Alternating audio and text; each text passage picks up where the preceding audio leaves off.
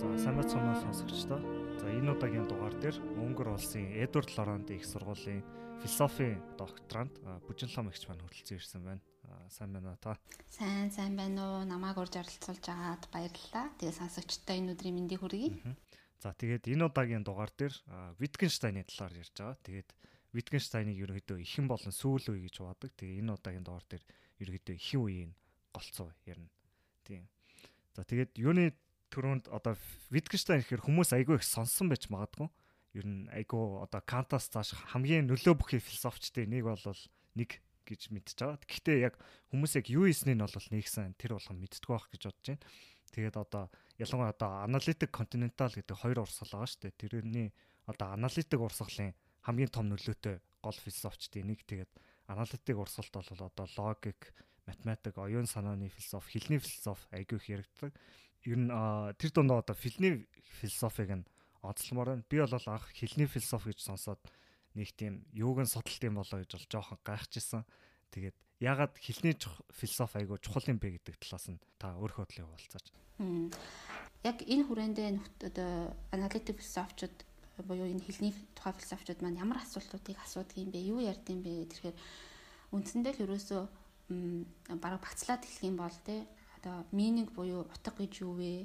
За дахиад үнэнний тухай асуудал.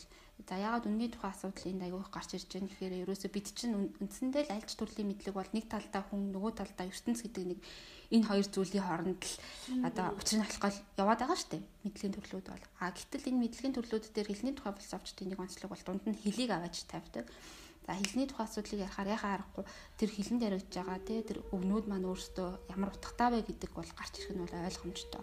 Аа нөгөө талаасаа энийг яг тий ертөнцтэй холбож аваад үзээд ярих юм бол утгаасаа гадна ертөнцийг бид хэр одоо үнэн ойлгож байна. Тэгээ зөв ойлгож байна гэдэг тухай метафизик руу буугаад ирэхээр яхаа аргагүй үнний тухай асуудал өөрөө гарч ирдэг учраас яг одоо метафизикээс цуг татагдаж энэ үнэн гэж юу вэ гэдэг асуудал бол хэлний тухай философчдын нэг үндсэн асуудал болж ирж байгаа.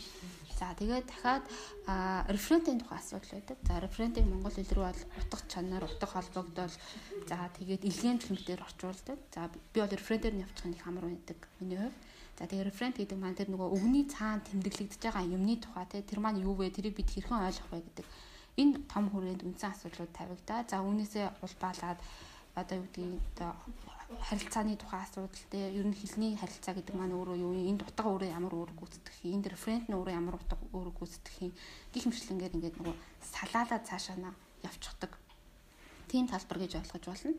Тийм миний ойлголтоор бас одоо ингээд философч ч метафизик амар том том асуултууд асуудаг. Гэхдээ яг тэг бидний хэрэгжилж байгаа хөлийг бид нар өөрсдөө ер нь их анзаараагүй юм шиг санагддаг. Тэгээд хилэн дээр ингэж анхаарч байгаа шалтгаан нь нөгөө асуултаа амар ойлгомжтой тодорхой болгож иж айгу тодорхой хариулт авдаг гэх юм уу. Тэгвэл одоо жишээлбэл Wittgenstein-ы одоо зарим нэг асуултад ерөөсөй байхгүй гэж байгаа шүү дээ тий. Ямар ч утгагүй гэд. Тэр шиг одоо би жишээлбэл энэ дуу чимээ ямар өнгөтэй вэ гэж асууж байгаа юм шиг тиймэрдүү харагдаж магадгүй гэд Тэг би бас энэ тал дээр нэлийн ач холбогдолтой юм болов гэж бодсон. Ер нь айгүй тодорхой болгож өгөх хэрэгтэй. Таны түрүү хэлсэн шиг яг утга гэж юу хэлээд байгаа, яг тийм яаж илэрхийлж байгаа гэдэг нь тийм чухал юм шиг санагдсан.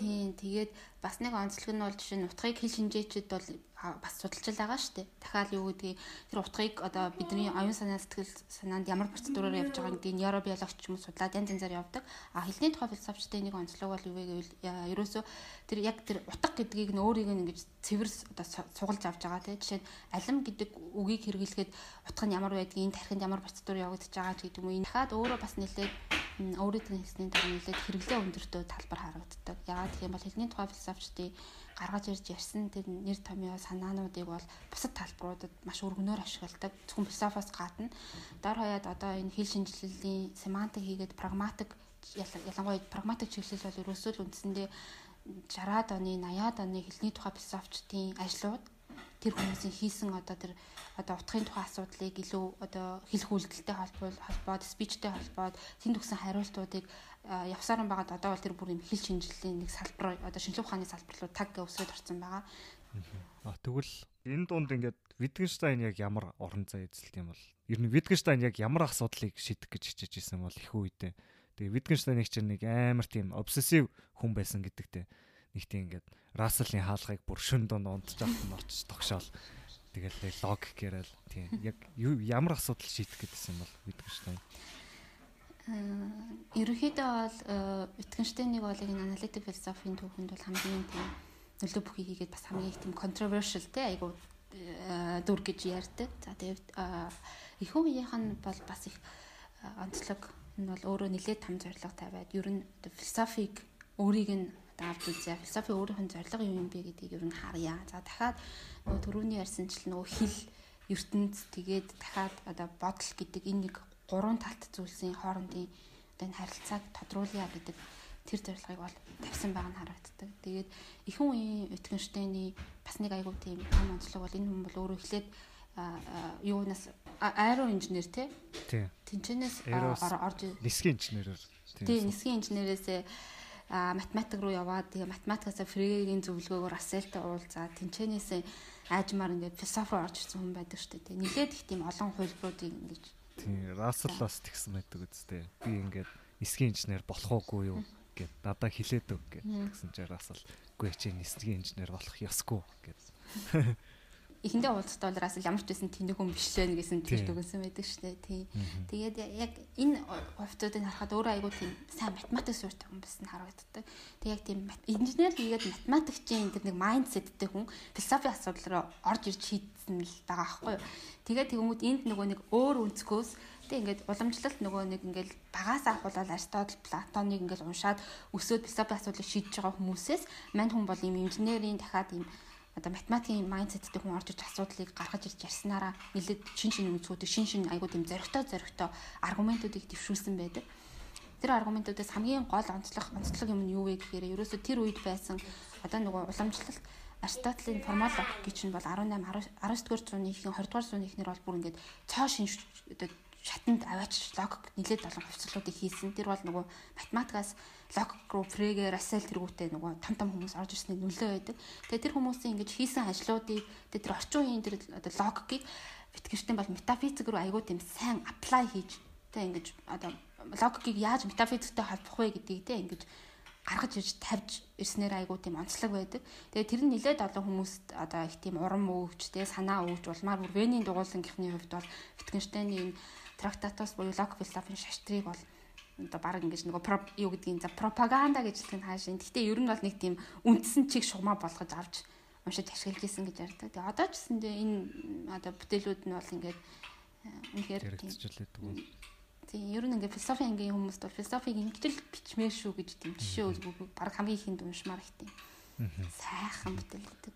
Тийм тэгээ трактатусыг яриад ирэхээр угаасаа мэддэгдэх байхаа тийм айгүй тийм богинохон богинохон айгүй хүчтэй өгүүлбэрүүд ирвчдэг. Тийм. Одоо тэгээд юуны тэрнээс өмнө зүгээр Wittgenstein-ы талаар зүгээр хальт сонирхолтой санагдсан юмнуудаа би дурдъя гэж бодсон юм. Тэр нь бол 1889-с 1951 оны хооронд амьдарсан Австрийн Вен хотод төрсэн. Тэгээд Европын хамгийн баян айлуудын нэг гэж хэлээ. Тэгээд гэр бүлийнх нь айгүй урлагийн авьяастай хүмүүс тэгээд артистууд хуульч нар, эмч нар байдаг гэсэн. Тэгээд өөрөө амар их мөнгө өвлж авсан. Гэхдээ тэрийг ер нь ах иш нартаа өгцөн л гэдэм байлээ. Тийм. Тэгээд аа бас нөгөө нэгдүгээр дайнд явж исэн. Уг нь бол явах албагүй байсан юм билээ. Гэтэ өөрөө тэгээд сайн дураар олцоо явсан. Тэгээд бас дайны нүлээ амар их байсан гэдэм билээ.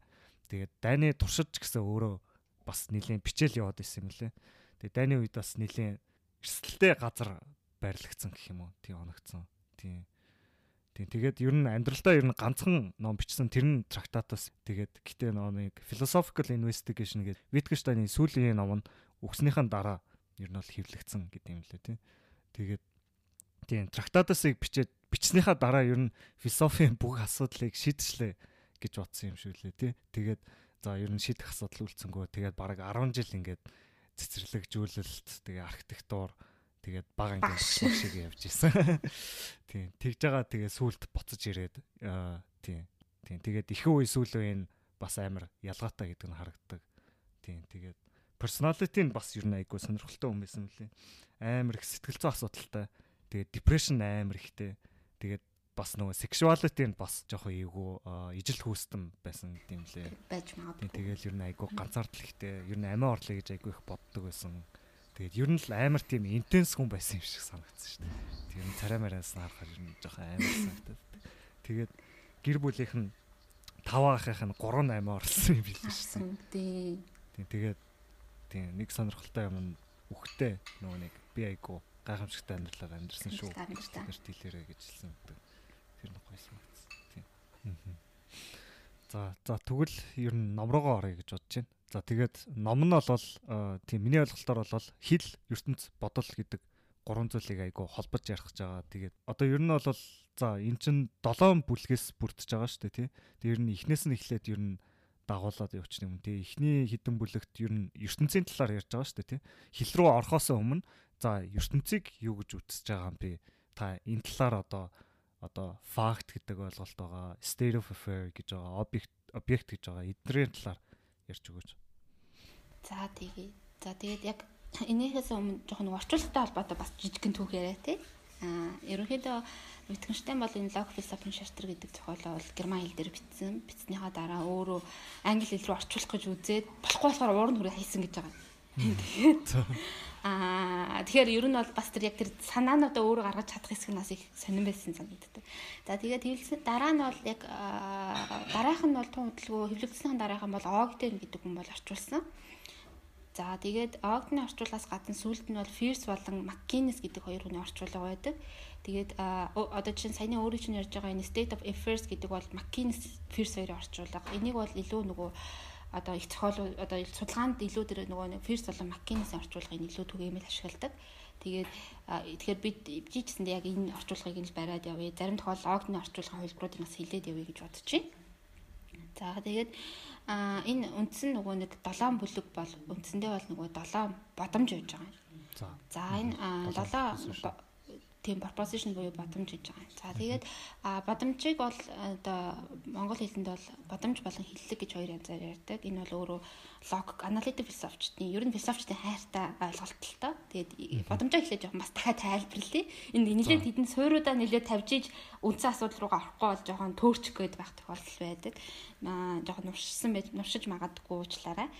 Аа тэгэхээр э, ерөнхийдөө Уламжлалт ойлголтоор бодомж гэж юу вэ гэхээр энэ бол одоо ямарваа нэгэн юмд тодорхой нэгэн шинж харилцаа байгаа гэдгийг баталсан юм үүсгэсэн сэтгүүн хэлбэр гэж байгаа юм.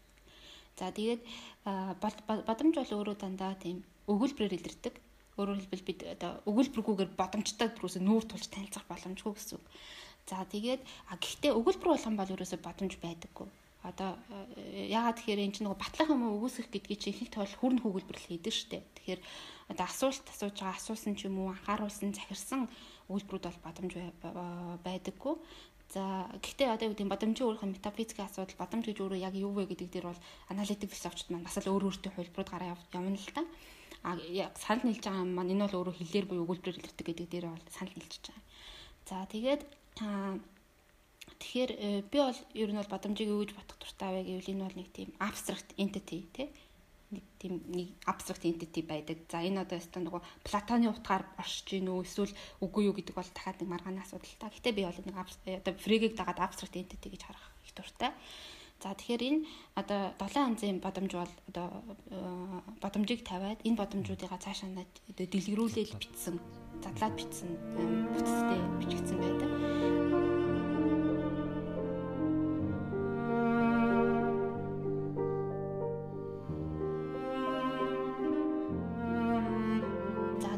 Одоо энэ долоон бодомжийнх нь одоо хамгийн ихний бодомж бол ерөөсөө өөрөө ертөнц бол тэр аяараа тохиолдол гэж ярьж байгаа тийм. За одоо факт гэдэг тохиолдол тийм. Аа кейс кейс маань болохоор тохиолдол гэж байгаа. Тийм. Одоо энэчнээс явж байгаад нөгөө факт руугаа орно л доо. За тэгэхээр ертөнц бол тэр аяараа тохиолдол гэж байгаа. За тэгвэл энэ кейс буюу тохиолдол маань өөрөө юу вэ гэхээр энэ бол ерөөсөө баримт гэж хэлж байгаа. Энд факт буюу баримт. За тэгээд баримт маань өөрөө болохоор юу вэ гэхээр энэ бол одоо үйлдэлийн төлөвийн оршихуй гэж монгол руу болгож байгаа юм л та. Энэ бол existent state of affairs гэдэг нөгөө state of affairs үйлдэлийн төлөв гэж тухайн үед орчуулсан юм. Төлөв. За. Аа. За тэгээд одоо одоо тэгэхээр одоо fact гэдэг бол өөрөө existent state of affairs гэж ойлгож болж байгаа. Тийм оршиж байгаа үйлдэлийн төлөв гэсэн үг факт нь. Тий, тий, тэгж ойлгож болно гэсэн. За тэгэх юм бол энэ үйлслийн төлөв маань өөрөө юу юм бэ гэж, тэ state of affairs маань өөрөө юу юм бэ гэж. За энийг Ogden бол өөрөө одоо шууд энэ state of affairs-ыг бол атом баримтг орчуулчихж байгаа. Atomic fact гэдэг. Атом баримт. За. Тий. За тэгэнгүүт яг цаана хэлж байгаа ерөөсөө энэ үйлдлийн төлөв гэдгийг бол энгийнээр хэлвэл энэ бол бас л нөгөө нэг э, бидний үйлдлийн төлөвийг хэлж болох юм бол бас л өгүүлбэр болоод болчихж байгаа юм л да.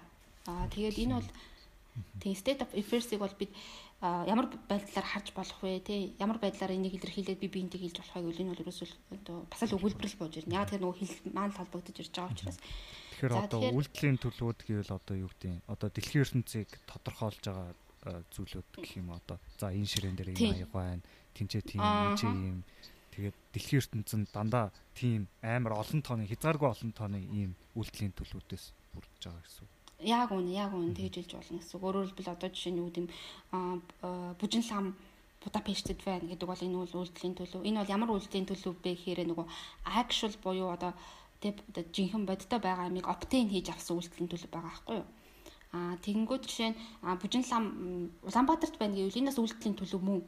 А гэхдээ энэ бол нөгөө юу гэдгийг possible те боломжтой байгаа зүйлийг л илэрхийлсэн үйлдэлийн төлөв байх нь шүү дээ. Тэгэнгүүт а баримт гэдэг маань юу болоод ирэхээр ихээр яг одоо нөгөө actual зүйлсийг obtain хийгээд барьчихсан үйлдэлийн төлөв болж ирж байгаа гэсэн. Тэгэхээр одоо тэгэхээр нөгөө баримт гэдэг чинь нөгөө шинжилгээ ухааны утгаар ч юм уу нэг тийм evidence гэдэг утгаас өөр утгаар явагдаж штэ. Одоо юу гэдгийг log analytic soft бол баримтыг бас дахиад маш олон байдлаар тайлбарладаг. Тэгээ энгийнээр хэлбэл баримт гэдэг бол өөрөө үнний утгыг тээгч гэж хэлж болж байгаа. Нэгсэндээ тэр одоо өгүүлбэрийг те За энэ өгүүлбэр гэдгийг ард бол би одоо бодомж хийгээд үйлдлийн төлөө аль аль нэг нь багтаагаа арчиж штэ. Өгүүлбэрийг үнэн байлгаж байгаа тэр зүйл. Одоо тэр өгүүлбэр үнэн байлгах тэр үнэн утгыг тээж байгаа тэр зүйл гэж хэлж болж байгаа. Энд чинь яг эхлэхдээ ингэж байгаа штэ тий. Дэлхийн ертөнцийг бүрдүүлж байгаа зүйл нь факт. Гэхдээ тийм юмс биш гэж байгаа. Тэр нь ингээд одоо тий уламжлалт метафизикийг бодохоор тий одоо за материалист хүн байх юм бол за дэлхийн ертөнцийг бүрдүүлж байгаа зүйл нь атом гэж хэлж байгаа тий. Тэнгууд энэ дээр Wittgenstein амар сонирхолтой нь дэлхийн ертөнцийг үрдүүлж байгаа зүйл нь факт гэдэг зүйл. Тэгээ тэр факт гэдэг зүйл нь үнэн худал гэх юм уу. Энэ нь надад өөр амар сонирхолтой санагдсан. Тийм. Цэвэр яг логикч гэдэг нь энэ дээр амар харагдж байгаа гэх юм уу. Тэгээд энийг бол үнэхээр няцааж чадахгүй. За дэлхийн ертөнц бүх тийм баримтаас тогтсож байгаа юм байна гэд тийм. Энэ тэгээ энэ энэ дээр бас би яг Wittgenstein-ээс гадна яг энэний араас би Кантыг олж хардаг. За яагаад Кантыг олж хардаг вэ гэхээр одоо юу гэдгийг ертөнц бол одоо объектууд бол биш гэж хэлж штэ тий. Тэгэхээр одоо чинь а гэтэл ертөнц бол баримт гэхлээр баримт гэдгийг бол бид юу гэж хэлэх вэ гэхээр жишээ нь дорж өндөр за нэг бол саяны хэлсэн Бужинлам Будапешт байна гэдэг бол эдгээр шин дандаа баримтууд байгаа байхгүй. Тэгэхээр энэ баримтууд чинь бол ерөөсөө л яг тэр нөгөө нэг юм ерөөсөө энэ бол эмпирик зүйлстэй холбогдож байгаа биш шүү дээ. Энэ бол эмпирик биш те тодорхой утгаараа тийм одоо эмпирикээс илүү абстрактлаад гаргаад ирсэн тэр зүйлсүүд л энд яригадаад шүү дээ. Тэгэхээр ертөнц бол өөрөө бүхэлдээ энэ одоо энэ энэ баримтуудаа гэж хэлж байгаагийн цаана бол ерөөсөө ертөнц бол өөрөө ингэж хилээр илэрхийлж байгаа гэдэг тэр давхар утга маань өөрөө энд явж байгаа. Аа тэгээд яг энэний ард юу ярих вэ гэхээр нөгөө нэг Кант ярьдаг шиг бид бол одоо юу танин мэдчих чадах вэ гэхээр бид бол ерөөсөө нэг бидний нэг тийм схемүүд байдаг тий. Тэр схемийг одоо ертөнц рүү шийдлээ. Тэр схем дотор так так гэд бидний мэдэж чадах юмнууд л гараад ирж штэ. Тэрийг гаргаж ирээл бид аа бид энийг л мэдэж гээд бидний танин мэдэх хүн хүрээ чинь тэнд одоо тэрүүгээр л зогсож байгаа штэ. Тэнгүүд Wittgenstein бол тэр гарч ирээд байгаа юм а бид нар хэлээр илэрхийлж гэнэ үү те. Хэлээр илэрхийлээ тэрийний тухай бид ямар нэг юм хэлж гэнэ үү. Чадаад бол тэр чинь бидний ерөөсөө ертөнц юм а гэдэг ингээд нэг алхам одоо юу гэдэг кантын цанаан дээр таг гэд нэг алхам гიშгсэн юм шиг урагшилсан юм шиг санагддаг. Тэгээд яг энэ утгаараа ч гэсэндээ Кант бол тийм уламжлал философч гэхээсээ илүү Кант бол айгүй орчин юм философч байсан. Энэ хүн бол бүрэн тийм айгүй тийм дараагийн төвшний хүн үү. Тэгвэл тийм цаашаа үргэлжлүүлээд За тэгээ. За тэгэнгүүт одоо энэ нөгөө үйлдэлийн төлөв дээр саний ярьсан нөгөө объект маань орж ирж штэ. За тэгэхээр а үйлдэлийн төлөв бол яг энэ бол одоо нэг үйлдэлийн төлөв нөгөө үйлдэлийн төлөөс хамаарахгүй гэж байгаа нэгдүгээр. За энэ одоо тэгээ цаашаа нь бол ингээд одоо юу гэдгийг анализ хийгээд ингээд задрахгүй. Тэ өөрөөр хэлбэл энэ бол ингээд үйлсийн төлөвдөөс очивол шууд ингээд энэ үннийг олж авсан. Нэг бол энэ одоо худлаа байна, үнэн худлагийн тухай асуудлыг ингээд очиод таг гэж зогсож байгаа байхгүй. А гэхдээ үйлсийн төлөв бол өөрөө юу вэ гэвэл объектуудын бүрдэл гэж хэлж байгаа. Одоо тийм combination of тийм комбинацтай объектуудын комбинац гэж хэлж байгаа. За тэгээд тэгэхээр за тэгвэл энэ объект нь өөрөө юу юм бэ гэж харахаар Wittgenstein бас тухайн үеийн бусад одоо нөхдүүдээс илүү том амбицлог алхам хийсэн харагддаг л да. Яа тэгэхээр бид ингээд ертөнцийн тухай асуудлыг авч үзээд ярихад за зүгээр ингээд бодомжийг аваад үзэж чи уламжлалт тухаар бодомж чинь нэг талд нь объект байх нөгөө талд нь харилцаа юм уу шинж байдаг байхгүй relation юм уу одоо property гэж гарч ирж яригддаг. Тэгэл одоо ерөөсөө одоо за дахиад нөгөө бодомжоор яриад үзье л да. Дорж өндөр гэж юм те. Дорж гэхээр объект байна. За өндөр гэдэг чинь property буюу шинж байна шүү дээ юу гэдгийг одоо тэгэхээр одоо юу гэдгийг энэ ингээл дорж өндөр гэхээр за энэ бодомжид бол энд нэг талд нь объект нөгөө талд нь шинж байна. Объект шинж альсвал дорж дорж дуламт хайртай гэхээр дорж дуламт хайртай гэдэг нэг харилцаа яваад дээ. Тэгэхээр энэ харилцаа property гэл ингээл нөгөө нэг үндсэндээ авч үзэл задлал философичод яриад байдаг. Тэгэхээр өрөөсөө ингээд а гэтэл Wittgenstein-ы гарч байгаа гэсэн дараагийн алхам бол тэр нөгөө нэг property хийгээд relation хоёрыг таг хийгээ хасчихж байгаа байхгүй юу. Ерөөсө тэрний тэдний тэд нар ч юм бол явсаран байгаа үндсэндээ объект штеп хэлчихэж байгаа. За тэгэхээр энийг бол нэлээд том тийм амбицлог алхам гэж хэлэхээс гадна энд бол Wittgenstein-ы философи өөрийнх нь тэр их чанга сайн тайлбарлах чадвар нь энд явдаг гэж ярьдаг. Яа тэгэхээр ертөнцийг одоо тэр нөгөө нэг яг метафизик асуудал дээр гэдэг энэ универсалын тухай асуудал юм л да. Универсалын тухай асуудлыг ярихаар энэ нөгөө харилцаа хийгээд одоо харилцааны тухай асуудлыг гаргаж ирээд яриад эсвэл энэ одоо property-ийн тухай асуудлыг гаргаж ирээ ярихаар нэлээд олон тийм төвөгтэй асуудлууд гарч ирдэг. Тэнгүү тэр төвөгтэй асуудлуудаас бол мань хүн бол үгүй над бол ч объект юм а гэж хэлээд зайлс хийцэн ч гэдэг юм. Тэр ингээд айгу эвтэхнэр шийдтсэн гэж хэлж болж байгаа. Энд нэг тэр онцлог нь гардаг. За тэгэхээр тэгвэл одоо энэ объект чи өөрөө юу юм бэ гэжсэн чинь а яг энэ битгэжтэй бол энэ юусоо тайлбарлаж жишээ гаргаагүй гэж хэлдэг. За тэгээ яг тухайн үедээ энэ одоо энэ шаштраа те трактатусаа бичиж явах үед нь норм малколом гэдэг нөхөр асуусан байгаа. Ер нь ингээд энгийн объектын талаар жишээ гаргаач ээ. Ер нь жишээ гаргах тухай чи ботсон уу гэж асуусан чинь үгүй би чинь логик хүн шүү дээ те. Би тэгээд юм болохоор юу гэдгийг объект бол те тийм цэвэр эмпирик зүйлийн ахгүй юу. Эсвэл энгийн юм уу нийлмэл юм уу гэдгүүдийг би ингэж шийдэж те объект руу ингэж орох бол миний ажил биш ээ. Энэ бол одоо юу гэдгийг би чинь логик хүн шүү дээ гэж хэлсэн байна. Тэгээ ер нь базаж хэлэхэд бол за тэр үйлдэлийн төлөв гэд байгаа зүйл нь объектуудын комбинац гэж хэлж байгаа тийм. Тэгээд миний ойлгосноор бол тийм яг тэр бүрдүүлж байгаа тийм нэг тогтмол хөдөлшгүй зүйлүүд нь объект гэтэд нэг тийм хөдөлгөөнд оруулж нийлүүлж байгаа объектууд нь ингээ хоорондоо яг нөгөө нэг гиншиг холбогддог гэд.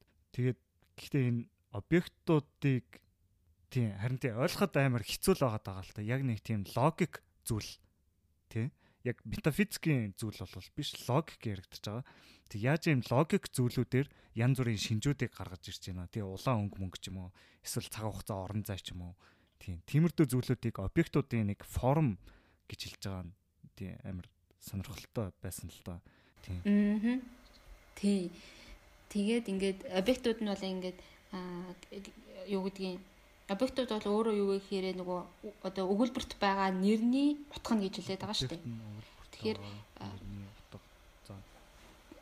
Тий. За тэгээд одоо нөгөө нэг өгүүлбэрт байх нэр гэдэг бол өөрөө ерөөсөө нэр бол дангаараа утгагүй өгүүлбэрт орж ижил утгатай байна. А тэр утга нь өөрөө юу вэ гэхээр объектоо гэж хэлчихэж байгаа.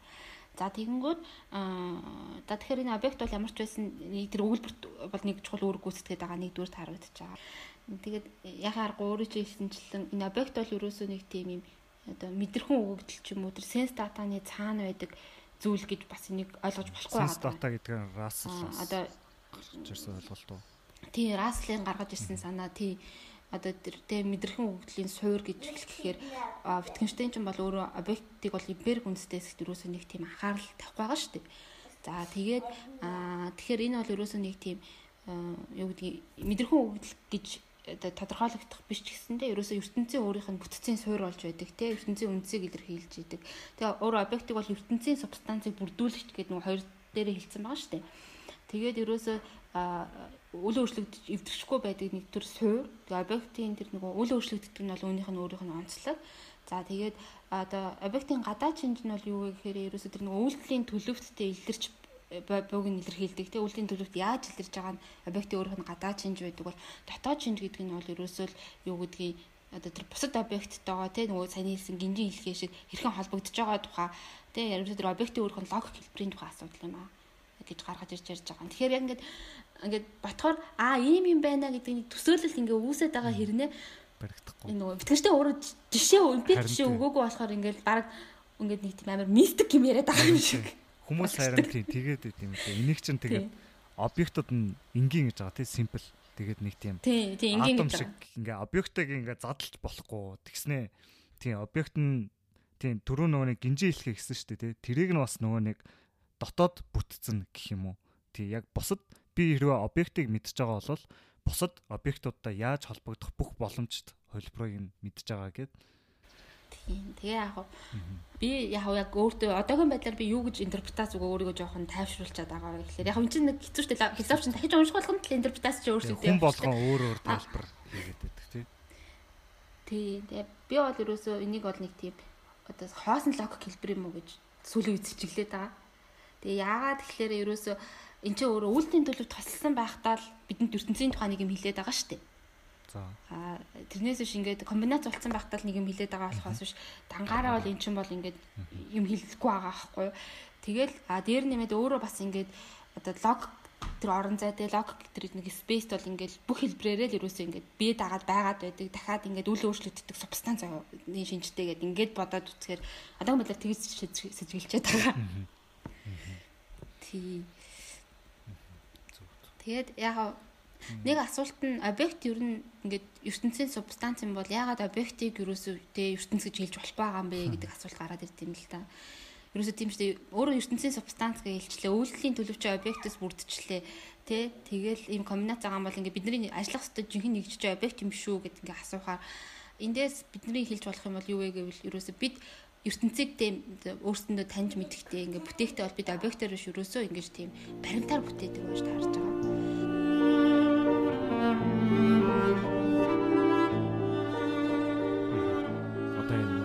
Факт гэдэг байгаа зүйлүүдийг бид нар зургалдаг гэдэг байгаа тийм. Тэгээд зургийг болвол бодит ертөнцийн загварчлал гэж хэлж байгаа тийм. Тийм та энэ тал дээр жоохон тайлбар өгөөч. За одоо энэ бол нөгөө 3 хийгээд 4 дугаар одоо бодомжууд 3 битгэгчтэй өөрийнх нь шаштрын 3 хийгээд 4 дугаар бодомжтой гарч ирж байгаа. За 3 дээр юу гэж хэлж байгаа вэ гэхээр баримтын логик зураг бол бодол гэж хэлж байгаа. Баримтын логик. Баримтын логик зураг нь зураг бол бодол гэж хэлж байгаа. За гэхдээ энд ярьж байгаа нөгөө бодол маань нөгөө нэг тийм айгу зөвхөн надаас хамаарч байгаа чамаас хамаарч байгаа нөгөө хувь хүний субъектив психологийн бодол бол биш. Энэ өөрөө айгу тийм Фрегегийн ярьдаг шиг объектив бодол яригдчихэж байгаа гэсэн үг энд.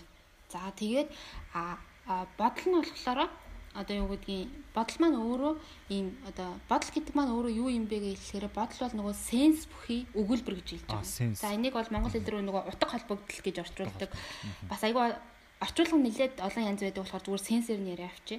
Тэнгүүд энд нэг онцлог одоо гарч ирэх нь юу вэ гэхээр энд нөгөө өгүүлбэр гэдэг үг байгааз.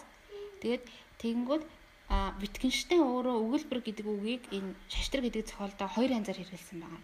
Нэгдүгээрт нь бол ялангуяа энэ дөрөвдүгээр бүлэг дөрөвдүгээр бодомж дээр бол яг энэ логиччдын ярьдаг бодомж гэдэг утгаар нь нэлээд ашигласан.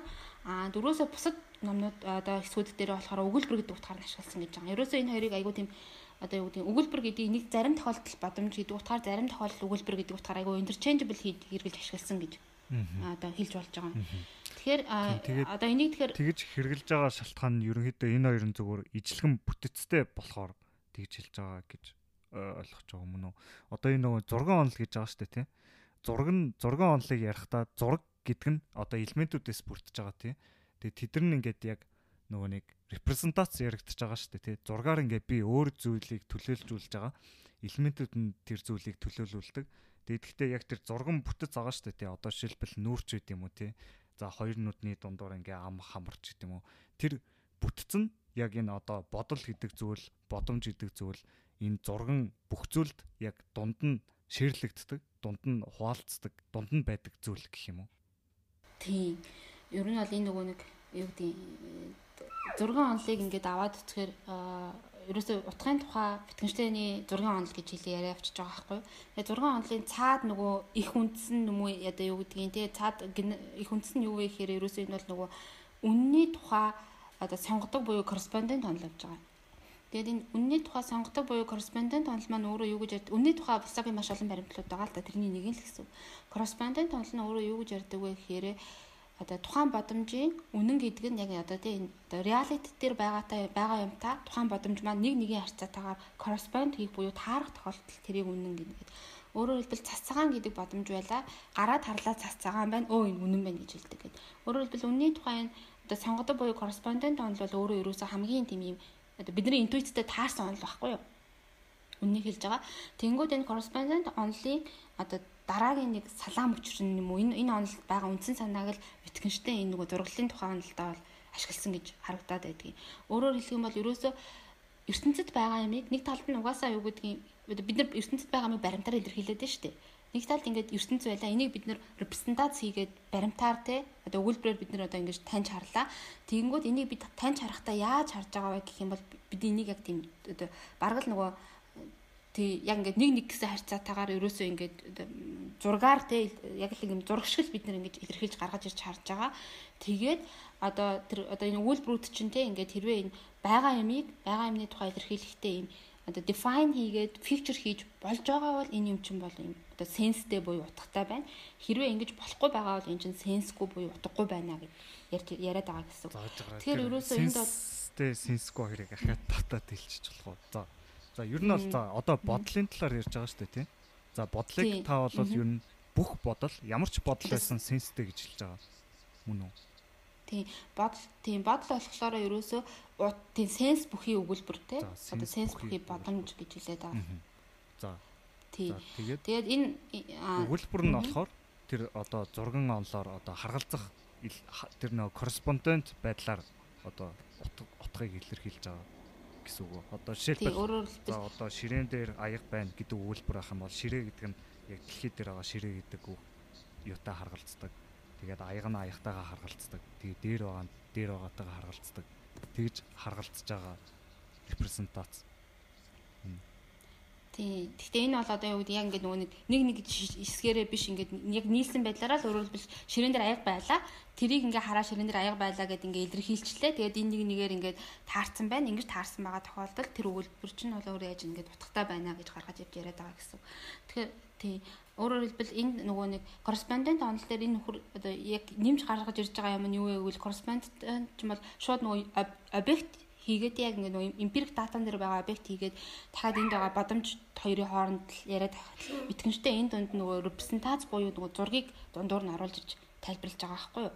Тэгэл өөрөөр хэлбэл энэ зураг бол өөрөө тийм одоо зургийн цаана бол ерөөсөө тэр нөгөө логик формууд явж идэг тийм энэ логик формууд нь бол өөрөө яг тийм нөгөө pictorial формтой зурган формтой бол одоо адилхан тийм ингээд орон зайд төрсөлсөн формтой бол ерөөсөө адилхан гэж хэлээд байгаа. Тэгээд ингээд хамгийн төхөөлөд ойлгоо гэвэл энийг баал нөгөө нэг тийм тоглоом одоо машинаар төрсөлж болно тийм ингээд замыг зам дээр байгаа ингээд нөгөө нэг юм яг гадаа гараал харангууд ингээд замын төгжрлийг машинаар бид нар харуулсан шүү дээ харж штэ тий. Тэрийгээ таг гэж дүрслээд бид нэр ингээд юу гэдгийг дуурайлгаад ингээд ийм модулер машинууд хийгээд тавьчих болно штэ.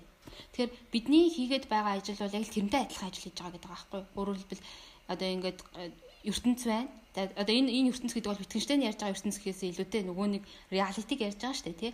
Энэ реалити дээр байгаа юмнуудыг бид нар ингээд баримт олгоод тийм ингээд одоо бодол олгоод авахд бол яг ингээд репрезентац хийхэд бол ерөөсөө л яг тэр нөгөө юм модулуудыг таг таг таг гэж одоо машины модель хийсэн шиг л тэр юм энд ингээ явагдаад байгаа л гэж ярьж байгаа байхгүй юу.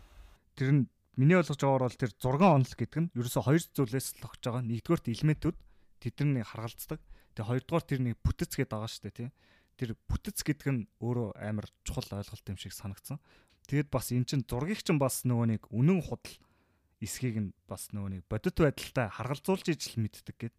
Тэр нь надад айгүй сонирхолтой санагдсан.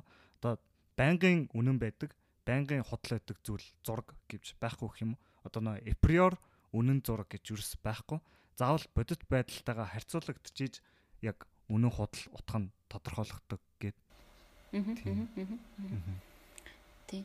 Тэгээд ерөөсөө одоо энд ярьж байгаа энэ санаа бол үндсэндээ бүр ингээд нөгөө утгын тухай одоо уламжлалт буюу propositional онол гэдэг юм л эний цаана явж байгаа байхгүй.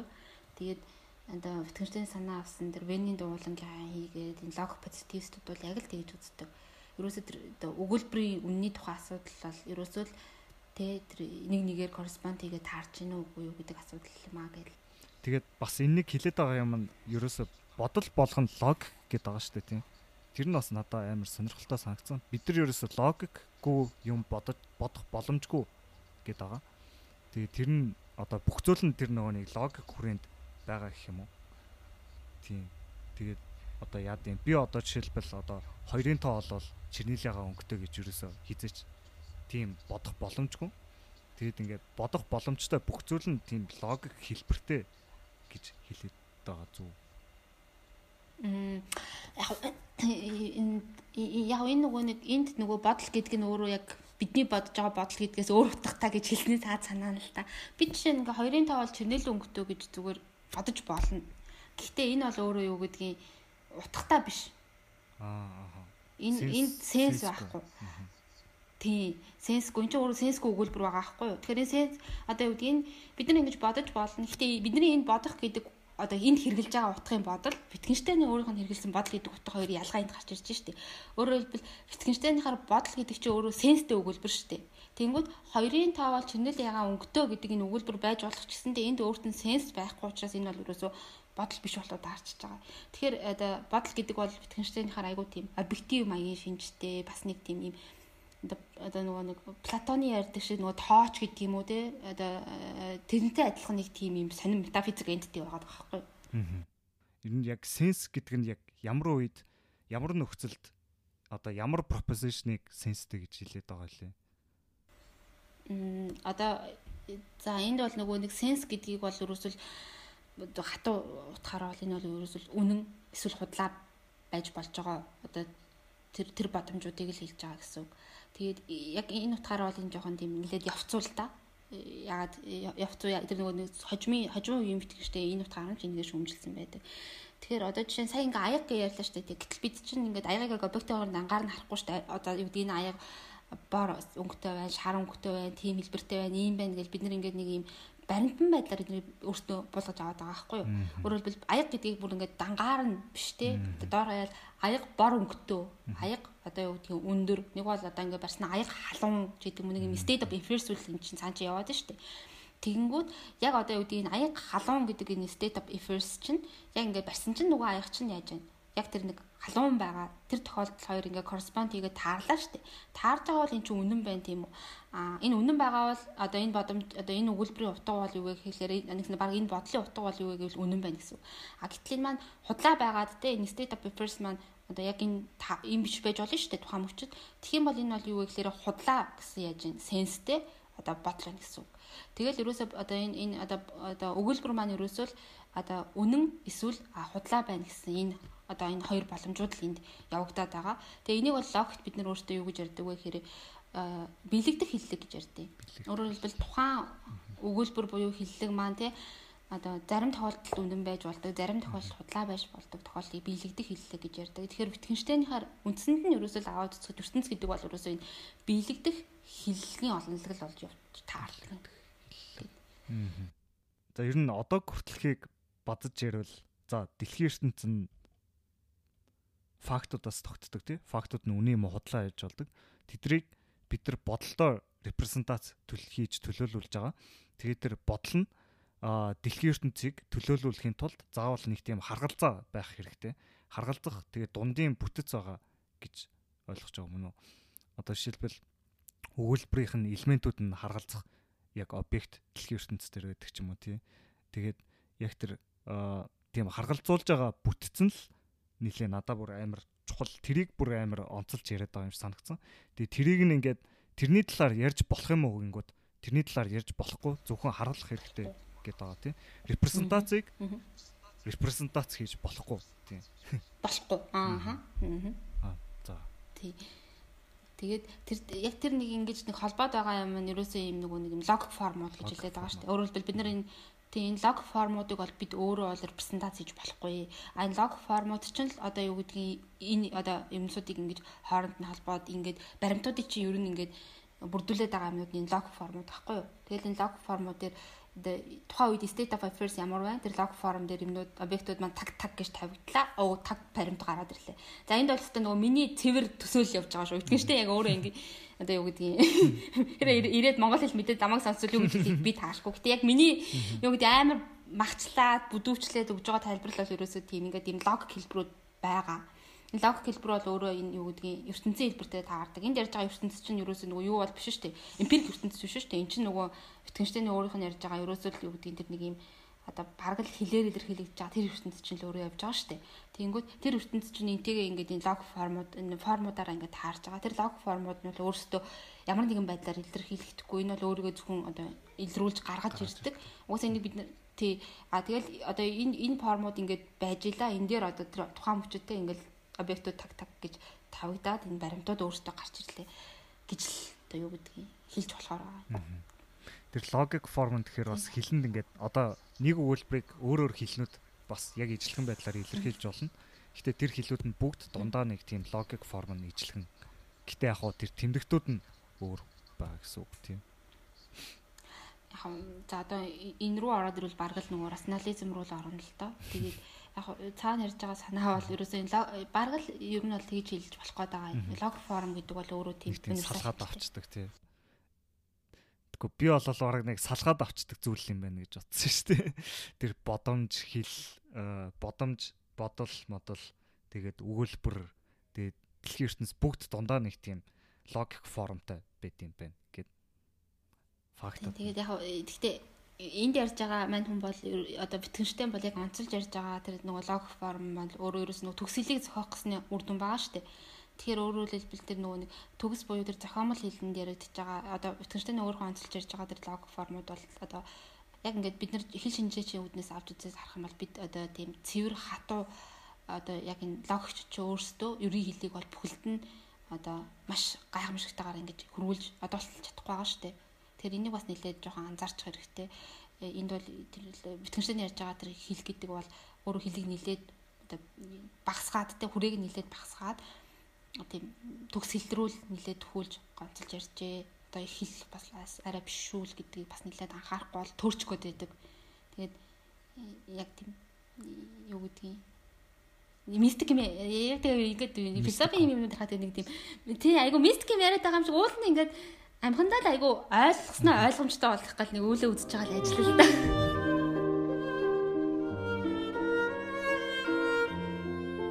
За сенснүүд нь тэгвэл дандаа нэг тийм юу гэдэм биш үү? Үний юм уу худал байж болдог юмнууд. Тийм. Аха. Тиймэрхүү юмнуудыг л ер нь бол битгэж тань ярих хэрэгтэй гэдэг байгаа. А тэгээд энэ дээр одоо за философчд болоод одоо нөгөө нэг байгалийн шинжилгээ ухаан гэдэг байгаа шүү дээ тийм. Тэр хоёрын үүргийг ялгаатай гэж хэлээд байгаа тийм. Энэ дээрээ суурлаад тэгээд ер нь яагаад философчдыг тийм ихэнхдээ ихэнхдээ тийм утгагүй юм яриад байна. А сенсгүй юм яриад байна гэж хэлдэг юм бол. За тэгэхээр яг энэ утгаараа бол Wittgenstein бол бүр ингээд шинжлэх ухаан хийгээд философи хоёр шинжлэх эрдэмтэд хийгээд философч бол хоорондоо бүр хамаагүй гэж байгаа шүү дээ. Nothing to do with each other гэдэг. Тэгээд аа одоо юу гэдгийг шинжлэх ухааны хийж байгаа ажил бол ерөөсөө юу вэ гэвэл түрүүн хэлсэн жил энэ бол ерөөсөө утга бүхий тэр тусмаа үнэн одоо өгүүлбэрүүдийн олонлог бол шинжлэх ухаан гэж хэлж байгаа. Энэ ч бол тий үнэн бодомжуудын олонлог бол шинжлэх ухаан юм аа гэдэг. За тэгэнгүүт өгүүлбэрүүдийг харахаар ямар асуудал гараад ирдэг вэ гэхээр ингээ харахад одоо утгатай юм шиг хэрний nonsensical өгүүлбэрүүд бол байдаг. Энэ nonsensical өгүүлбэрүүд бол өөртөө ерөөсөө тэр нөгөө одоо дөрмийн буруу хэрэгснээс үүсч гарч ирдэг алдаа гэж ярьж байгаа. За хамгийн наад захны эхний nonsensical өгүүлбэрийн жишээ бол одоо юу гэдгийг нэг бол тоо. За нэг бол одоо энэ бол сонсоход бол айгу зүгээр утга хилээд штэ тий. Гэтэл энийг жишээ бид нар ингээд одоо буулга зураглалын онлоор тайлбарлах гад нэг бол тоо гэдэг нь үний юм а худлаа юм а гэд ингээд маргалдаад явбал энэ бүр ингээд насны ажил болно шүү дээ. За нэг бол одоо юу гэдгийг өөрөө авсан жишээгээр одоо Сократ бол ижилтэй Socrates identical гэдэг юм. Энэ бол угаасаа л хараас утгагүй байна тий. Тэгэхээр энэ өгүүлбэрүүд байна. За гэтэл энэ өгүүлбэрүүдийг аваад үзэхээр жишээ нь метафизикийн за энэ гоо зүүн ёс зүйн өгүүлбэрүүд чинь бас юм nonsensical өгүүлбэрүүд байгаа дээ. За тэр нь яагаад л Тий. А яагаад тэгэхээр энэ өгүүлбэрүүдийг маань энд жишээ нь үнний утгын тухай асуудал яригдсан болцоогүй байгаад байна. Одоо дор хаяад энгийнээр яриад үзэхээр бодъё л та тий юу гэдгийг одоо сайхан гэж юу вэ гэж асууя. За сайхан гэдэг бол одоо философч одоо юу гэдэг гоо зүжин дээр нэлээд тайлбар өгч болно шүү дээ. Сайхан гэдэг бол зүй зохицол юм аа. Сайхан гэдэг бол одоо ив зохицол хармони юм аач гэдэг юм уу тий. Тэгээ тайлбарлангууд оо сайхан гэдэг чинь ив зохицол юм байна гэдэг өгүүлбэрийг аваачаад үнэн юм худлаа гэд хоёулаа шалгая энэ орчлонд байгаа бүх state of affairs-үүдээр аваачаад нөгөө нэг нэг гэсэн харилцаар corresponding хийгээд тайлбарлах гэхээр энд чинь чадахгүй шүү дээ. Энд чинь өөрөө тийм юмд орд болдог өгүүлбэр биш юм чинь. Одоо тэгэл одоо жишээ нөгөө одоо саяны энэ ярьсан нөгөө нэг юу гэдгийг үнэн гэдэг бол өөрөө одоо тий ингээд correspondence юма гэдэг энэ өгүүлбэр чинь хүртэл өөрөө үндсэндээ үнэн юм уу худлаа юм уу гэдгийг шалгуур руу ордог төрлийн өгүүлбэр биш байхгүй юу? Тэгээд тэгэхээр ингэж орж болохгүй байгаа учраас энийг бол юу гэдгийг nonsensical гэж ярьж байгаа. Тэгээд одоо уламжлалт метафизик бол ерөөсөө л ийм nonsensical өгүүлбэрүүдийн ингээд үйлдвэрлэжжээ. Тэгэхээр философчдын уул нь яг ясаман дээр хийх ёстой ажил нь юу вэ гэхээр энэ бол ерөөсөө философи бол нэг тийм онол одоо номлол биш ээ. Энэ айгуу гой санаа л да. Энэ бол номлол биш. Энэ бол өөрөө үйл ажиллагаа юм аа. Ямар үйл ажиллагаа вэ гэвэл тэ цэвэрлэх үйл ажиллагаа, хилэнд байгаа ийм тий ийм нөгөө nonsensical өгүүлбэрүүдийн чинь яагаад nonsensical байгаа нөгөө логик бүтцийг аваад үзэхээр яагаад ийм байгаа юм бэ гэдгийг халах одоо харах тэр цэвэрлэх ажлыг бол философчд хийх юм аа гэдэг тэр одоо юу гэдэг тайлбарыг энд гаргаж ирж ярьж байгаа байхгүй юу Тэгээд а тэгтээ энд нэг айгуу сайн анзаарах хэрэгтэй юм нь бол энэ nonsensical өгүүлбэр байна гэдгийн цаана бол энэ бол айгуу тийм хэрэгцээгүй, функцгүй гэдэг утга бол ерөөсөө байхгүй. Дор зүүц утга бол ерөөсөө байдаггүй. Өөрөөр хэлбэл яг энийг нь хараад зарим хүмүүс мэдтгэжтэй нэг ант фит ант метафизикч нэг бол ант философч гэж хэлэх гээд байдаг. Гэтэл үндсэндээ энэ хүн бол ерөөсөө айгуу өөр амар тийм зүгээр л философитой хайртай философч л байсан. Тэгээ уусаа сүүл үедээ тэгдэг үстэй тий бурхны нэрийг бодоод бити нонсен шил өгүүлбэр хэлэхээс заасгийгээрээ гэж ихэн үеийнхээ алдагдсны хатараа. Тий. Тэгээд аа дахиад бас нэг энд нэг senseless гэдэг өгүүлбэрүүд явагдаад идэв. Яриадаад байдаг. Энэ senseless senseless бол ерөөсөө nonsensical бол биш. Энэ бол юу вэ гэхээр нөгөө нэг одоо одоо юу гэдгийг аа senseless өгүүлбэрүүд маань юу вэ гэхээр одоо юу юу гэдгийг өстө нөгөө математикийн юмнууд байна. Одоо математикийн тэнд яригдчихэж байгаа тэр илэрхийллүүд байна. Математикийн илэрхийллүүд үнэн худлын тухай асуудлаар бас ингээ орохгүй шүү дээ. А гэхдээ энд бол ямар нэг юм байгаад байна. Энэ бол өөрийгөө ингээд юу гэдгийг харуулад нь шүү дээ. Аа дахиад энэ нөгөө логик маань өөрөө энд бол явагддаг. За энд дахиад тавтологи хийгээд зөрчилт өгүүлбэрүүд байдаг. Тийм. За тавтологи өгүүлбэр гэдэг маань юу вэ гэхээр ерөөсөө одоо энэ хилэлгийн одоо хиллэгэн нь ямар ч тохиолдолд бүх тохиолдолд дандаа үнэн байдаг хиллэгийг тавталаа гэдэг. За бүх тохиолдолд худлаа байдаг хиллэгийг бол зөрчилт гэдэг. За энэ одоо э, зөрчилт хийгээд тавталаа хиллэгүүд бол бидэнд ертөнц ямар байгаа тухай юм хэлэхгүй шүү дээ. Яагаад гэвэл одоо ертөнцийн state of affairs ямар ч байсан гэсэн тэр бүхэл тохиолдолд дандаа үнэн эсвэл бүхэл тохиолдолд худлаа байх учраас а гэхдээ энэ бол юу гэдгийг одоо үний юм уу худлаа гэдэг яаж нэг тийм утга энд яригадаад байгаа хэрнээ бүх тохиолдол үнэн бүх тохиолдол худлаа учраас энэ ертөнц чинь ийм байна гэж бид нарт мэдээ өгөхгүй. Гэхдээ энэ өгүүлбэрүүд байгаад байдаг энэ тавталаагууд. Тийм учраас энэ тавталаагууд бол юу вэ гэвэл senseless гэж таарч байгаа. Энд дээр нэг жишээ харсан нөгөө нэг өнөөдөр бороо орно эсвэл орохгүй гэд тэгээд тэр чинь угаасаа л орно эсвэл орохгүй үнэн штэ. Цаг агарын талаар ямар ч мэдээлэл өгөхгүй. State of affairs-ийн талаар ерөөсөө яриаггүй. Тийм. Тэгээ тийм болохоор senseless гэж байгаа. Яг нь nonsensical бол биш. Яг нь тийм утгатай нэг тийм ярьж болохоор зүйл гэтээ юучгүй хоосон. Тийм. Тийм. Тэгээ одоо яг энэ өөрөөс нь саяны хэлсэн өнөөдөр бороо орно эсвэл орохгүй гэдгийг бид нэр яг ингээд томьёолоод одоо тэр нөгөө лог операторуудаар нь үнний өснөгтөр харж болдог байхгүй юу? Айгуу гоё. Тэгээ ингээ үнний өснөгтөр гаргаж ирээ харах юм бол энд одоо хамгийн сүүлийн хувилбар нь бол бүгд ингээ худлаа гарна. Одоо энэ өнөөдөр бороо одоо орно гэдэг чинь нэг бол үн нэг бол худлаа бараа орохгүй нэг бол үн нэг бол худлаа шүү дээ. Энд хоёр хувилбар байна шүү дээ. Энэ хоёр хувилбарын цаана бол одоо яг үнний утга нь яг ингээд лог оператороор ботхоор эцсийн байдал дээр ерөөсөө л юу гэдгийг ингээд нөгөө or гэж байгаа юм чинь нэг тэг нэг тэг аа нэг нэг гарч ирнэ. Одоо тавтологоор яг гараад ирнэ. Тэгээ ингээд тавтологоор гараад ирэх энэ үнний утгыг гаргаж ирдэг энэ үнний одоо хүснэгтийг бол Wittgenstein бас одоо юу гэдгийг Үнний өснөлтийг байгуулахад Wittgenstein маш том хувь нэмэр оруулсан гэж хэлдэг. Дахиад энд бол нөгөө нэг түрүүж яриадсэн Фрегегийн нөгөө одоо хийсэн ажлыг бол маш сайхан нар ингэж хэрэгэлсэний жишээ бол бас энэ дэр гарч ирж байгаа юм л та. Тийм тэгээд 4 5 дугаар хэсэг бодомжууд дээр бас нилээн бас үнний өснөгтөн талаар яриад тах шиг байсан нөгөө нэг элементар бодомжууд гэж бас нилээн ярьсан. Тэр нөгөө нэг бүрдүүлж байгаа бодомж нь тийм элементар бүтцүүдэд задрах ёстой гэд. Тэгээд тэр элементар бодомжуудынх нь үнэн худлаас нь хамаарч тэр бодомжных нь үнэн худал нь тогтоогддог гэдэг юм тийм. Одоо саяных шиг жишээн дээр бол тийм тэр яг бүрдүүлж байгаа зүйлүүд их нь унуудлаас хамаарат тэгээд тогтоочж байгаа зүйл их юм. Одоо энд бол нөгөө цэвэр логик орж ирнэ л дээ бүр яавал бадуул нилээд гоё юмнууд гарч ирнэ. Зүг зүг. Wittgenstein ч бас өөрийнхөө номыг хэлж байгаа шүү дээ тий. Өөрийнх нь номноос битүү бодомжууд байгаа тий. Тэгээд тэрийгэ хэлэхдээ за энэ шатаар гарсан болвол дэлхийн ертөнцийг яг зөв хардаг болно. Тэгээд энэ шат нь өөрөө nonsensical байсан юм байна гэд хаяад тэгээд тэгээд явах хэрэгтэй. Тэгээ энээс цаашаа ерөнхийдөө тэр одоо юу гэдэг үнлэмжийн талаар нөгөө этик метик ярьж болохгүй болохоор тэгээ тийм сенсгүй юм ярихгүй болохоор ер нь чимээгүй өнгөрөх хэрэгтэй гэж хэлдэг. Тий. Аа тэрэн дээр яагаад ингэж миний ертөнцийн хязгаар нь хилний хязгаар лөө тэгж хэлдэг. Яагаад тэгж ер нь яагаад яг хязгаарлалтыг ер нь яг хаана тогтоогоод байна? Одоо яг энэ хязгаар бол нөгөө эхлэл гарсан өөрийнх нь асуулт байгаа юм л та. За би бол ерөөсөө бодол хийгээд бодол биш хязгаарыг тогтооно. За тэгээд энэ бодол хийгээд бодол биш хязгаарын цаана бол ерөөсөө л ингээд сенс бүхий хийгээд нонсеншл зүйлсийн хоорондын хязгаар л яригдана гэсэн үг шүү дээ. За тэгээд тэгэнгүүт өөрийнх нь ярьж байгаагаар бол ертөнц бол өөрөө тэр аяараа тохиолдол байж таарсан. За тэр тохиолдол маань юу байсан бэ гэхээр баримт болсон. За тэр баримт маань өөрөө юу байсан бэ гэхээр ерөөсөө нөгөө биелэгдэх явсаран байгаад одоо айгу багшлаад хэлвэл эн чинь өөрөө явсаран байгаад биелэгдэх хиллэгүүд болчихж байгаа шүү дээ. Тэгэнгүүт одоо энэ одоо энэ нөгөө биелэгдэх хэллэгүүдийн л яг энэ олонлогч нь өөрөө ерөөсөө л юу гэдгийг миний тийм ингээд илэрхийлж чадах, хэлж чадах тэр ертөнцийн ертөнц чинь болоод таарчж байгаа. А үүнээс цаана миний ингээд илэрхийлээд хэлж чадахгүй.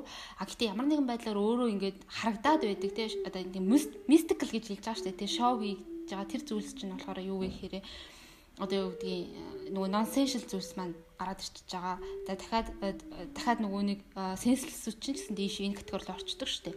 Тэгэхээр одоо энэ хүрээнд байгаа юмнууд чинь бол одоо тэр нөгөө яс зүүн өгүүлбэрүүд чинь үнлэмжийн өгүүлбэрүүд чинь тэд нар чинь бол яг үгээр миний ертөнцийн хязгаар руу яваад очиж байгаа байхгүй юу. Яагаад тэгэхээр жишээ нь одоо за би одоо нэг Америкт гоо зүүн шинжтэй өгүүлбэр хэлээ л да тий би надад одоо дорж таалагддаг гэж би хэлчихье тий. Тэнгүүд та миний хэлж байгааг та яг ингээд тав төрийн дунд ойлголцол үүсэхгүй шүү дээ. Надад яагаад орж таалагдаад байгаа? Ямар учиртай яасан ийсэн. Энэ бол зүгээр таны хувьд нууц болоод үлдчихэж шүү дээ. А гэтэл би танд одоо жишээ нь юу гэдгийг а хүн одоо би та надад чинь нэг шинжлэх ухааны нэг баримт хэлээ тий одоо хүн 200 гаруй ястаа гэж хэлчихэ. Тэнгүүд хоёулаа гүйжчихэд хин нэгний задлаад ясын тоолчод өө миний хэлсэн үнэн байна худлаа ингэ би та хоёрын дунд нэг ойлголцол үүсээ дахиад юу гэдэг энэ бол ингээд нэг тийм сенс бүх юм байгаад энд ингээд нэг тийм ертөнцийн тухай надад нэг юм хэлж өгөөд нь штэ. А гэтэл надад доош таалагддаг гэдэг бол танд ертөнцийн тухай юу ч хэлж өгөхгүй тийм үү? Тэгэхээр энүүгээр бол ингэж нөгөө нэг хязгаарыг энэ нөгөө утгаар дамжуулж тодорхойлсны тэр ач холбогдол нь гараад байна гэж би хардаг. Тэгээд тийм ч учраас ерөөсөө юу гэдгийг нь ярих болцоог амны тухайд бол дууган өнгөрөх хэрэгтэй гэдэг маань ерөөсөө энэ тэ сенситемнуудаа хэлж чадж байгаа бол тэднийг хэл. Тэрнээс бусад зүйлсийг бол энэний тухай ярьлаа гэсэндээ бидний хооронд ямар нэгэн тийм юмнууд бол ингээд одоо юу гэдэг ойлголцол энд юу нь бол үсгүй үсгэж болцоогүй шүү дээ. Тэгээд яг энэ онцлогийг гаргаж ирж ярьсан нь бол өөрөө философийн хувьд үнэхээр ач холбогдолтой байсан. Үүнээс цаашлаад одоо яг энэ санааг нь авч үзээ жишээ нь муур бол яасан бэ гэвэл одоо мета этикийг үндэслэж байгаа байхгүй юу? Яг яг Wittgenstein-ээс шууд санаа авсан гэхээс илүү дэн хоёр ч бас хамтран зүтгэсэн хүмүүс байдаг шүү дээ. Жишээ нь муур бол одоо жишээ нь сайнны тухай бид маш олон тодорхойлтыг өгдөг. Тэгэхдээ ер нь бол юу гэдгийг сайнны тухай бидний өгч чад хамгийн сайн тодорхойлт бол сайн бол сайн л юм аа Яг бол бид энэс цаашаа өөр юм хэлж чадахгүй учраас. Тийм. Тэгээ одоо нөгөө энд чинь нөгөө нэг корреспондентаар юм ерөөс бид нар ярьж болохгүй байхгүй юу? Тийм. Ингээ нөгөө тэгээ өнөө худлаа гэж хэлж чадахгүй шүү дээ. Ерөөсөө өнөө худлын тухай асуудлуудыг бид нар энэ одоо метафизикийн одоо энэ эпистемологийн метафизикийн гоо зүүн тэр үнлэмжийн асуудлууд төр бид үнэн үдлийн тухай асуудлыг ярьж чадахгүй болцсон ч өөрөө байхгүй. Тэрийг л айгүй тийм маш тодоор зураас нь татж өгч байгаа байхгүй. Тэ яг энэ бол бас л дахиад дахиад л хөвөл нөгөө Канти ярьсан нөгөө феномен науминаас л үүдэлтэй юм бол энд явагдаж байгаа юм л та тий. Тэгээд тэрүүгээр их ажиллаг. За за тэгвэл тэгээд тий өнөөдөр яриг ингээд дуусаад танд эцэст нь бодож хэлэх зүйл байна. Тэгээд бас одоо нөгөө нэг Wittgenstein-ы сүүл үе рүү орж ирэхэд жоохон ялгаанууд гардаг гэсэн шүү дээ тий. Одоо жишээлбэл хэлний тоглоом ч юм уу эсвэл нөгөө нэг коммуникац хийх тийм хэрэглээч гэдэг юм уу тий. Тийм хөндлөлтөөр хэлэх юм байна тий. Яг миний хувьд бол би бол яг ингээд ихэн үе хийгээд хожуу юм Wittgenstein-ыг бол ингэж хуваахыг бол дэмждэг, төрөл дэмждэг. За тэгээ тэрийг дэмжиж байгаагийн цаад санаа бол ингээд хожуу юм Wittgenstein-ыг уншихаар ихэн үеийн санаануудаас зарим юмнууд чухалцдаг ч гэсэндээ бүр цааш нь огтөөр хүн байдаг Тэгээд баг нэг өөр хүн тэр нэг ингэ бичсэн юм шиг. Аа тэгээд яг ингээ хожуу үеийн хүн бол ерөөсө тэр бол ингээд логикч хүн биш те. Одоо яг логикч цөөр яваа. Гэхдээ тэр хүн бол ингээд маш олон амьдралын туршлагаар баяждсан. Дахиад юу гэдгийг хэлний өөрийнх нь тэр илүү эхлэлний тэр баялаг бүтцийг дахиад өөрийнх нь тэр юу гэдгийг одоо дор хаяа жишээ одоо тэр өгүүлбэрүүд маань өөрсдөө nonsensical байлаа гэд тэгээ утга одоо тэр сенсгүй байлаа гэд энэ бол ерөөсөө юу гэдгийг ертөнцийн тухай чамд юу ч хэлэхгүй байгаа явдал биш ээ. Өөрөөр хэлбэл ертөнцийнхаа хүрийг мань хүм одоо ингэж томруулж тавьсны үр дүн гэж хэлж болохоор байдаг. Тэр хожуугийн Wittgenstein-ыг бол тэгээд юу гэдгийг ярил одоо бас нилээд өөр юмнуудыг бас дахиад нэг том ажил болох үзэл хит хитэн яаж ажил болох үзэл яригдах байгаа ш хажуу Wittgenstein бол Тэгээ гол хажуу өвтгчтэй зүгээр гол онцлог нь юу вэ гэвэл их хүн үеийнхээс ялгаатай энэ хүн бол аналитик хийгээд континентал философт аль алинд нь том хувь нэмрээ оруулсан гэж үнэлэгддэг байгаа. Хажуу үеийнхийг нь бол нэг талдаа континентал чиглэл нөгөө талдаа аналитик чиглэл аль аль нь уншсан. Бүр одоо жишээ нь юу гэдгийг хилэн тоглоомын тухайн онцлог бол континенталууд бол нэлээд сайшгилдаг штеп. Тий. Тэгвэл энүүгээр яриа дуусгая да. Тэгээд эцэст нь баярлалаа гэж хэлээ. Трактатаас ер нь амар хэцүү ном л доо. Ер нь бол ямар ч хөтчгүүгээр унших бол амар хэцүү боломжгүй юм билээ. Би бол бас унших гэж бас бүү юм болсон. Тэгээд тийм ийм хэцүү хөтөлөө ер нь ийм хэлбэрт болгож ярьж байгаад айгүйх баярлалаа. Тэгээ хүмүүст сонирхолтой хэрэгтэй байсан баха. Тийм. Тийм урилгыг байна хэлж авч ирсэнд баярлалаа. За тэгээ намайг урьж оролцуулсанд баярлалаа. За тэгээд энд бол э, миний уншиж ойлгосны хүрээнд өгж байгаа тайлбарууд гэдгийг анзаараараа. Тэгээд яхаарахгүй философи их зохиолуудыг бол сүүлийн үед бол утажгүйгээр уншихгүй байх аргагүй байдаг. Тэгээд философи сонирхдаг хүн болгоны логикийн нэг жижигхэн зуур авчаад трактатусыг нэг эргүүлээд хараараа гэж уриалмаар байна. Ягаад гэвэл энэ бол 20 дугаар зууны тэ одоо энэ орчин үеийн философи өнгө төрхийг бол бас ингэж шинээр бүтээхэд хувь нэмрээ оруулсан сайхан гайхалтай бүтээл байдаг шүү гэж хэлмээр байна. Баярлалаа.